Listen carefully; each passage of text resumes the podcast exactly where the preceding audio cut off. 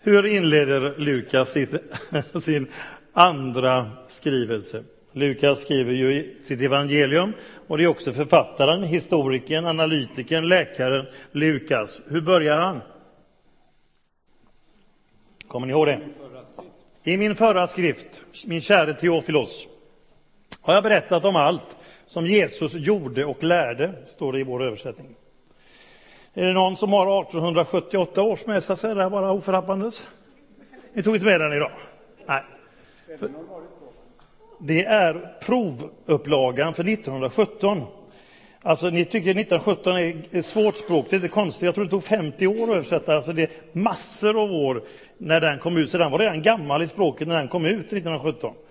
1878 eh, är en provexemplar eh, av det som blev 1917.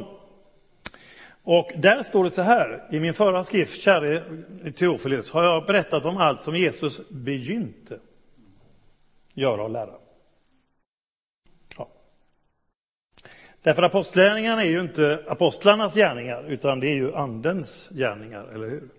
Därför heter det på engelskan acts, eller action på franskan. Gärningarna, helt enkelt. Det är ingen hemlighet att det var den helige Ande som var nyckeln i allting som hände. De första kristna behövde inte säga nu ska vi starta en offensivkampanj här. Jag säger inte att det är fel. Och jag var med, vi hade Nytt liv-kampanjer på ett fantastiskt sätt borta vid Lackabäck. Det är inte fel, men det började inte med att några lärjungarna satte sig tillsammans och sa, slog sina kloka huvuden ihop och sa det här var en bra idé, nu sätter vi igång och börjar missionera och, och jag bokar tid hos polisen där och, och, och, och så kör vi. Utan anden kom över dem så mäktigt att människor kom springande dit och frågade vad är det som står på? Hur kan ni vara glada så här tidigt på morgonen? Vad har ni nu druckit för någonting? Ja, de trodde det. De trodde de var berusade. Nej, säger Petrus, vi är... Och han håller en klar, väldigt klar predikan, så han är inte det minsta berusad, utan väldigt klar och distinkt så 3000 människor kommer till tro. Rakt av. Nej, säger han, det här är vad profeten Joel har talat om många hundra år innan. Att era söner och döttrar, äldre och yngre, alla ska bli berörda. Ja, allt kött, står det. Allt mänskligt. Guds ande kommer över er. Och man kan inte nog betona att det är anden som är den stora hemligheten. Och vad säger Jesus innan han lämnar dem? Jo, ni ska få den helige Ande. Och vad skulle Anden göra med dem, Apostlärningarna 1.8? Vad var poängen, om jag får uttrycka mig så, med Anden? Huvudpoängen. Ja? Ni ska få kraft till att bli mina vittnen, martyrer står det i grekiskan. Martyros. Ni ska få kraft att bli mina vittnen i Jerusalem, i Judeen, i Samarien, till jordens yttersta gräns. Och så läser vi Apostlagärningarna och ser att det är Guds helige ande som är verksam hela vägen. Du läste om hur han växte till genom Andens tröst och förmaning och uppmuntran. Vi och den heliga ande har beslutat, var inget fromt, lite vackert tal, utan det var så. Och hur började den stora missionsepoken? Jo, i Antiochia är ledarskapet samlade i bön och fasta. Och vem är det som talar med dem då? Apostlagärningarna 13. Den heliga ande säger avskyr åt mig, Paulus och Barnabas var det väl, för det uppdrag som jag har kallat dem till, säger den helige Ande. Och då gör församlingen så, man beder och fastar, man lägger händerna på dem och man skickar iväg dem, står det. Och dessa som så hade blivit utsända av den helige Ande, står det. I Levande Bibeln står det de heliga Andes missionssällskap. På säga. Det är en heliga Andes missionärer, står det. Ja. Om ni hade kommit till Afrika och frågat dem oss vilken, vilken missionsorganisation är, med, är ni med i? Och jag hade svarat istället för Glis Baptist, hade sagt den heliga, den heliga Andes missionärer. Eh, så kanske det hade låtit lite överspänt. Vilket missionssällskap har ni? La mission du Saint-Esprit. Den helige Andes missionärer. Församlingen skickade, och jag fick lära mig på Gökottan och Per-Axel Hansson vad ordet i grekiskan för skicka betyder, nämligen lossa förtöjningarna. Och vad församlingen gjorde? De satte dem fria. Och så seglar man iväg, och ni ser bilden. Lukas använder mycket medvetet. Han, församlingen lossade bojorna. Församlingen var redskapet till att sätta dem fria för det uppdrag som den helige Ande hade för dem. Det var församlingens uppdrag. Och jag känner så här i eftermiddag, det är vårt uppdrag att sätta oss fria. Lossa förtöjningarna. I Saltaren står det när Herrens vatten kommer så smälter det frusna. Och det kan finnas sånt som har blivit fruset och liksom låst i våra liv därför att någon kanske har sagt att du duger inte eller man är ju expert på att själv, som du sa, vara den största domaren. Och du behöver visa dig själv samma nåd och barmhärtighet som Gud visar dig. Och Gud säger, varför kan du inte vara barmhärtig mot dig själv som jag är barmhärtig?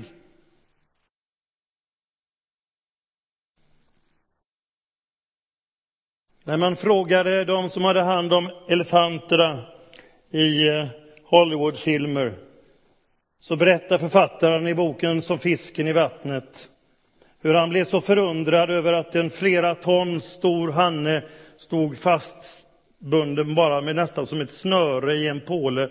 Och han frågade tränare, eh, häst, äh, elefant, tämjaren, eller vad man ska kalla det för, skötaren. Hur kan den stora elefanten stå med detta lilla snöre? Det är ju enkelt att dra upp. Jo, sa det är så här att när elefanten är liten så sitter den i samma och den har försökt 10 000 gånger att komma loss och den har inte kommit loss. Och så funkar elefanten, då vet den, den kommer inte loss. Och det kan vara så någon har sagt till dig, din klantskalle, du är inte vacker, du har blivit jämförd på olika sätt. Schmack. Jag glömmer aldrig när Torbjörn Fälldin på Jan Hedlunds möten, han var statsminister och sa, jag önskar och store Gud, tyvärr kan jag inte sjunga med mig, för det tog, ursäkta, alltså lärare här nu, ni har gjort mycket bra jobb, men för honom så, så var det så att en lärare hade tagit ur han det i andra klass, att han inte kunde sjunga, och han kunde inte sjunga som statsminister. Men Jesus kan rycka upp pålar, den heliga Ande, så att vi får blomstra som han har tänkt. Att få blomstra ut och blomma ut och sätta oss fria. Och man kan inte med nog betona att mission, det är fråga inte om en handling djupast sett från vår sida, utan närvaron av en ny verklighet, Guds andes kraft.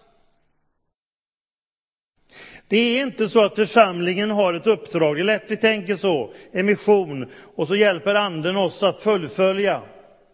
Utan det är så att anden är missionsdirektorn. Den är förste missionär och församlingen, när den är trofast, den plats där anden kan fullfölja sitt verk.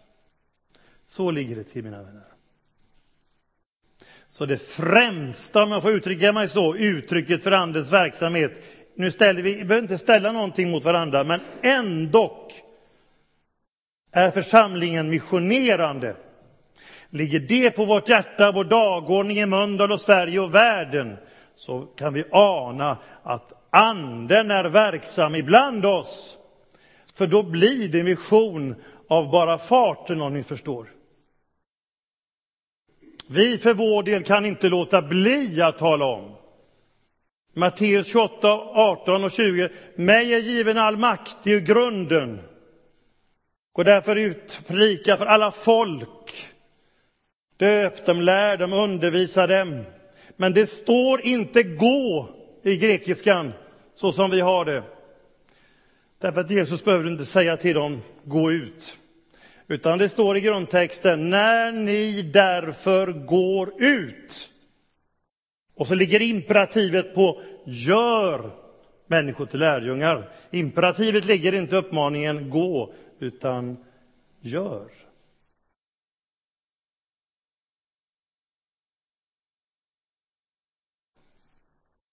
Och de fylldes ju allt mer av helig ande och glädje, står det Avslöjandet 13.52. Det var ju en ständig process. Den som är törstig kommer till mig att dricka, står det. Och det är också grundtexten. Man dricker sig otörstig, men man fortsätter att dricka och det är naturligt, eller hur? Jag kan ju inte säga att jag drack vatten 1973, det var gott den gången. Eller hur? Det går inte. Det klarar oss inte många dygn utan vatten. Kan inte leva på gamla, vi tar vara på det, jag är tacksam för vad Gud har gjort i mitt liv och tillbaka, men jag kan inte leva på det, utan det, det är liksom färskvara. Mannat var bra för en dag, spara de som sparar, ni kommer ihåg berättelsen i Gamla testamentet, de som sparade tänkte vi behöver ett förråd.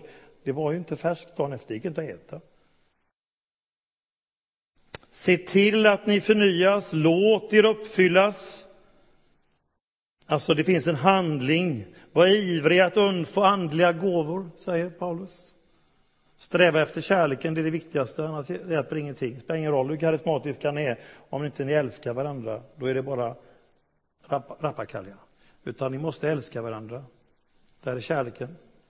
Och vi fick ett starkt budskap som KG förmedlade i söndags. Att vi ska tala väl om varandra. Vi ska inte hålla kritisera varandra. Vi ska hjälpa varandra, vi ska vara rädda om varandra, vi ska älska varandra. Då skall Gud komma och välsigna vår församling. Det var väldigt starkt, KG.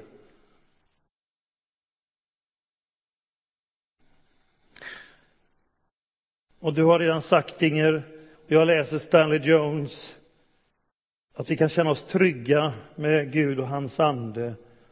Gud är en Kristuslik Gud. Det är från den boken Den ofrånkomlige Kristus metodistevangelisten. Jag har läst förut, jag gör igen. Gud är en Kristuslik Gud, så följer därav naturligt att anden är en Kristuslik ande. Samma innehåll i karaktären kommer att finnas i båda. Om sålunda anden lever i oss, så kommer han inte att göra oss annorlunda än Kristuslika. Andens frukter är Kristi dygder, sa den store Schleiermacher, en berömd tysk teolog. Om vi görs annorlunda än Kristuslika så är det någon annan ande som regerar oss. Svaghetens, dårskapens, sektväsendets ande, inte den heliga ande. Ty anden kommer inte att göra oss annorlunda än Kristuslika.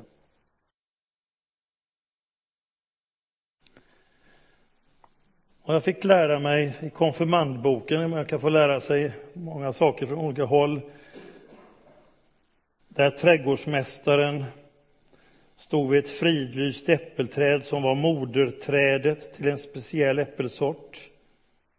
Och han säger så här, för att trädet ska leva och även växa behövs livskraft och näring för stammen och grenarna, bladen och blommorna. Men för att det ska bli frukt behövs det mer än det som själva trädet behöver. Frukten är ett resultat av överskott av liv. Överskott av liv. På samma sätt är det med Andens frukt i våra liv. Att bära Andens frukter i sitt liv är förenad att bli uppfylld av Jesus Kristus. I Gamla testamentet, ni kan läsa hemma sedan i Hesekiel 47, så talas det om den dubbla strömmen. Och man, man väntade på att den i vattenfestivalen, som man hade långt innan vi kom på det här i Sverige, så hade man det varje år i Jerusalem och man väntade på att vattnet skulle rinna ut från templet och liva upp. Att Jesaja, eller Hesekiel 47 skulle förverkligas, 48. Men Jesus står upp på vattenfestivalens sista dag och säger jag är livets vatten. Därför att Guds levande vatten skulle inte komma ur ett fysiskt tempel, en byggnad, utan ur en person, Jesus själv. Och så här står det i Hesekiel om den dubbla strömmen. Överallt där den dubbla strömmen kommer, där upplivas alla levande varelser som rör sig i stim. Och fiskarna där blir mycket talrika, ty när detta vatten kommer dit blir havsvattnet sunt och allt får liv där strömmen kommer. Fiskare ska stå ut med den från en Gedi ända till en Eglaim, och så som ett enda fiskeläge ska den sträckan vara. Där ska finnas fiskar av olika slag i stora myckenhet, alldeles som i Stora havet. Men gölar och dammar där skall inte bli sunda, utan skall tjäna till saltberedning. Det måste finnas ett utflöde. Och så står det lite längre ner att det bär frukt runt floden och deras frukter ska tjäna till föda och deras löv till läkedom, står det. Känner ni igen Uppenbarelseboken? Ja.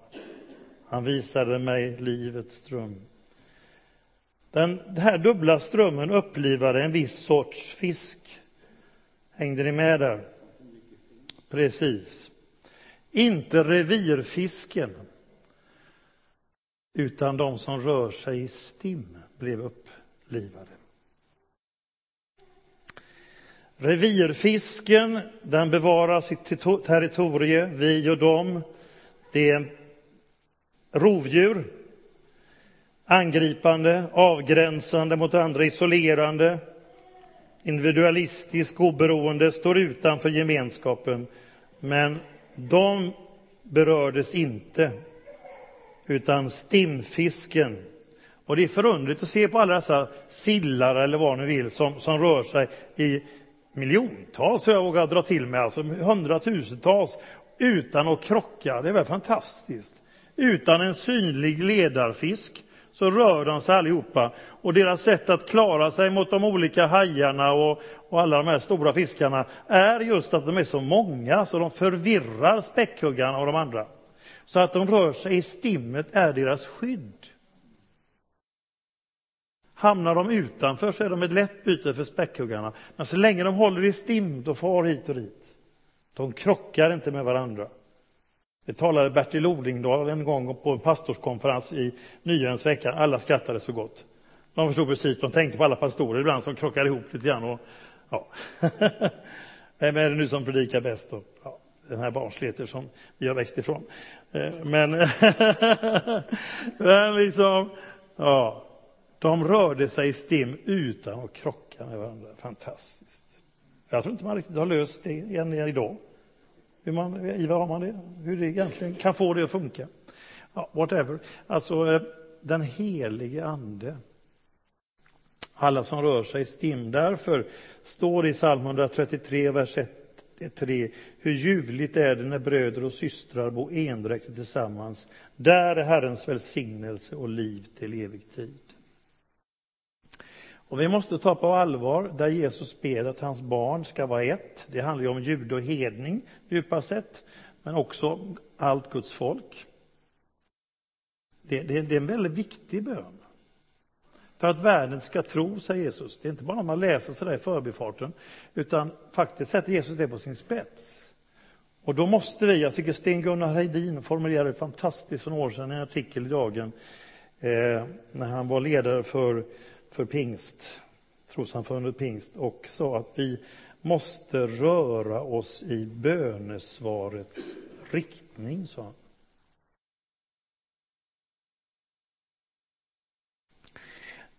Den heliga Ande, när vi ber nu tillsammans i grupp, eh, får komma som Anden vill.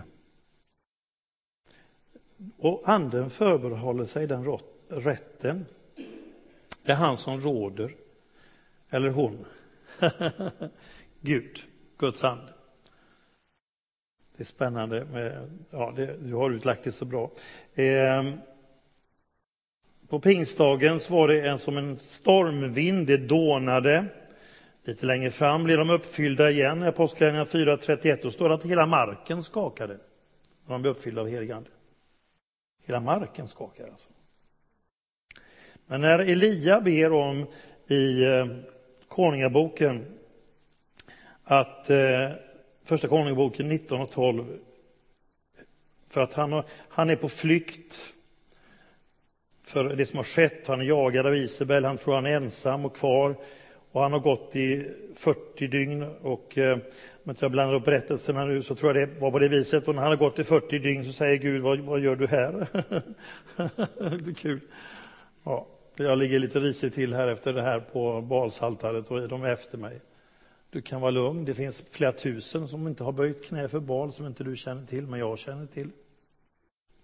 Ja, men låt mig få en, någonting så jag känner att du är med mig.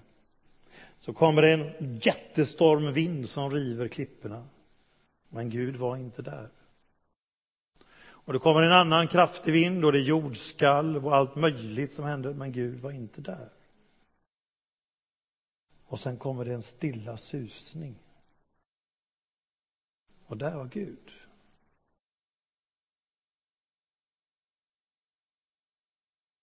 En sakta susning.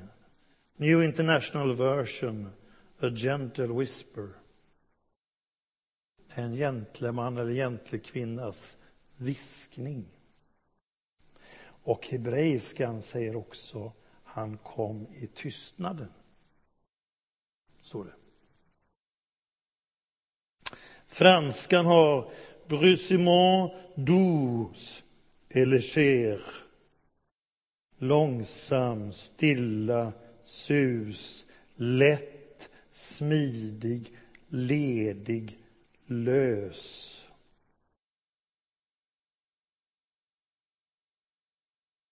Brusement douce et léger.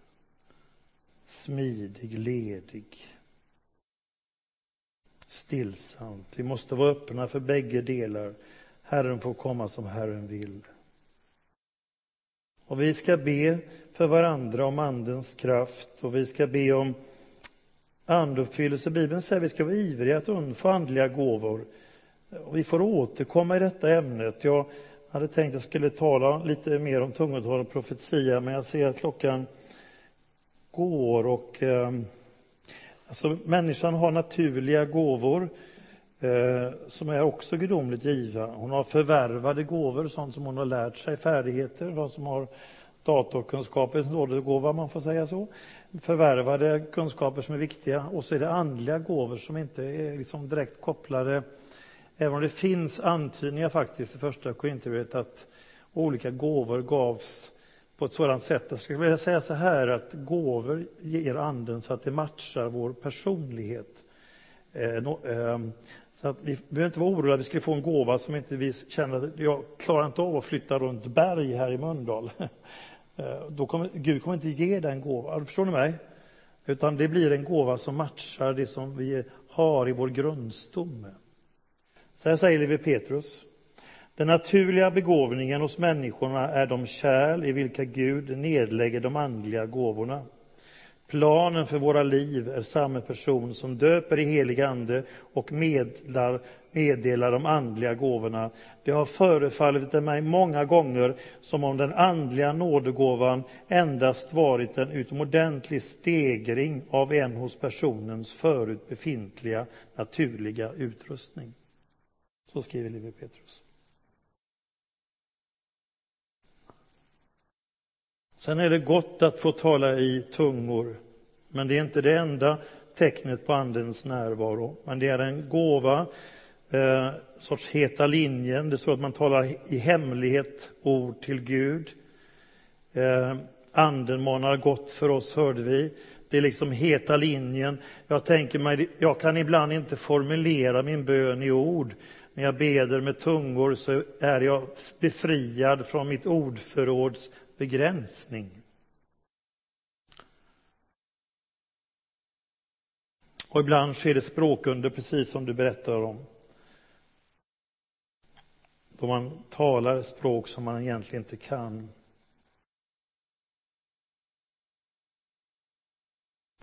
Det profetiska eh, är egentligen en gåva att uppfatta Guds röst skulle jag vilja formulera det. Det handlar om framtid. Du kan läsa i Apostlagärningarna 11. Agabus kommer och säger att det kommer att bli en hungersnöd. Man reagerar direkt på det och gör en stor insamling för att hjälpa de kristna i Judeen. Så det är väldigt konkret, väldigt praktiskt, ett profetiskt tilltal. Men för det mesta är profetians gåva uppmuntran, uppbyggelse, att ge ljus över det närvarande. Profetian är inte styrande, den är bekräftande, eh, den är inte tvingande. Jag skulle vilja säga att det är Guds förslag, om ni kan följa med i den tankegången, att Gud ger ett förslag, Gud vill tala till oss, men det sker inte per automatik, utan vi får göra det till vårt bönämne och be över detta. Man prövar det, som det står, är det med skriften förenat. Man prövar det och behåller det som är gott. Man tar inte död på profeterna. Vi, vi måste uppmuntra och välsigna dem och, eh, och, eh, och, eh, vi måste få pröva våra vingar i, i församlingen naturligtvis. Alla ska inte träda upp i talarstolen och säga, utan några har den gåvan, men det kan vara lika andligt att man upplever att jag har blivit så glad när jag tänker på dig i denna tjänsten. Kan det vara från Gud? Och så kan du be över det och bejaka och kan känna att det här var rätt. Då var det profetiskt, om ni förstår mig. Men profetian lämnar det öppet till att det blir vårt böneämne. Det här sker inte per automatik, utan Gud tvingar sig inte, utan vi, vi ber över detta. Och är det Gud, Gud talar till mig om en sak, jag säger Gud, är det verkligen du? Så gör jag så här, jag lägger det åt sidan Gud, det får ligga där lite grann. Jag ber över detta, jag har respekt för detta, men jag lägger det lite åt sidan Gud för att se vad som händer. Och är det Gud, så lovar jag dig att han kommer igen. Jag lovar dig, han kommer igen.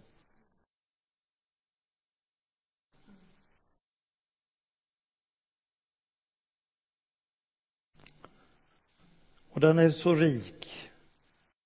Det är sång, musik, konst, poesi, samtal som är profetiska möten, som är profetiska predikningar, förbön där vi beder loss, brev, dikt, dramatik, musik. De som skulle leda lovsången i templet till sist i första krönikeboken 25 Asafas, hans söner, de hade profetisk anda till att spela tack och lovsånger till Herren. Varför då? Jo, för de skulle uppfatta den himmelska tonen och förmedla den. Sången är ingenting som vi gör som en transportsträcka i gudstjänsten, utan det är en förkunnelse och den öppnar vägen. Och vad var det Elisa till sist behövde för att kunna profetera? Han behövde en harpospelare en instrumentalist. För varje gång harpospelaren spelade, står det, kom Herrens hand över Elisa. Så musiken bara i sig öppnar nya dimensioner. Och ett profetiskt folk är ett folk som vill lyssna till Guds ande. Och Gud vill låta oss blomstra. Jag tycker det var så fantastiskt, bara sluta med det, när man frågade Michelangelo i sin fantastiska skulptur, renässansens mästerverk, David. Hur kunde du göra honom sådan? Och då sa Michelangelo, det är inte svårt alls. Jag tar bara bort det som inte är David. Amen.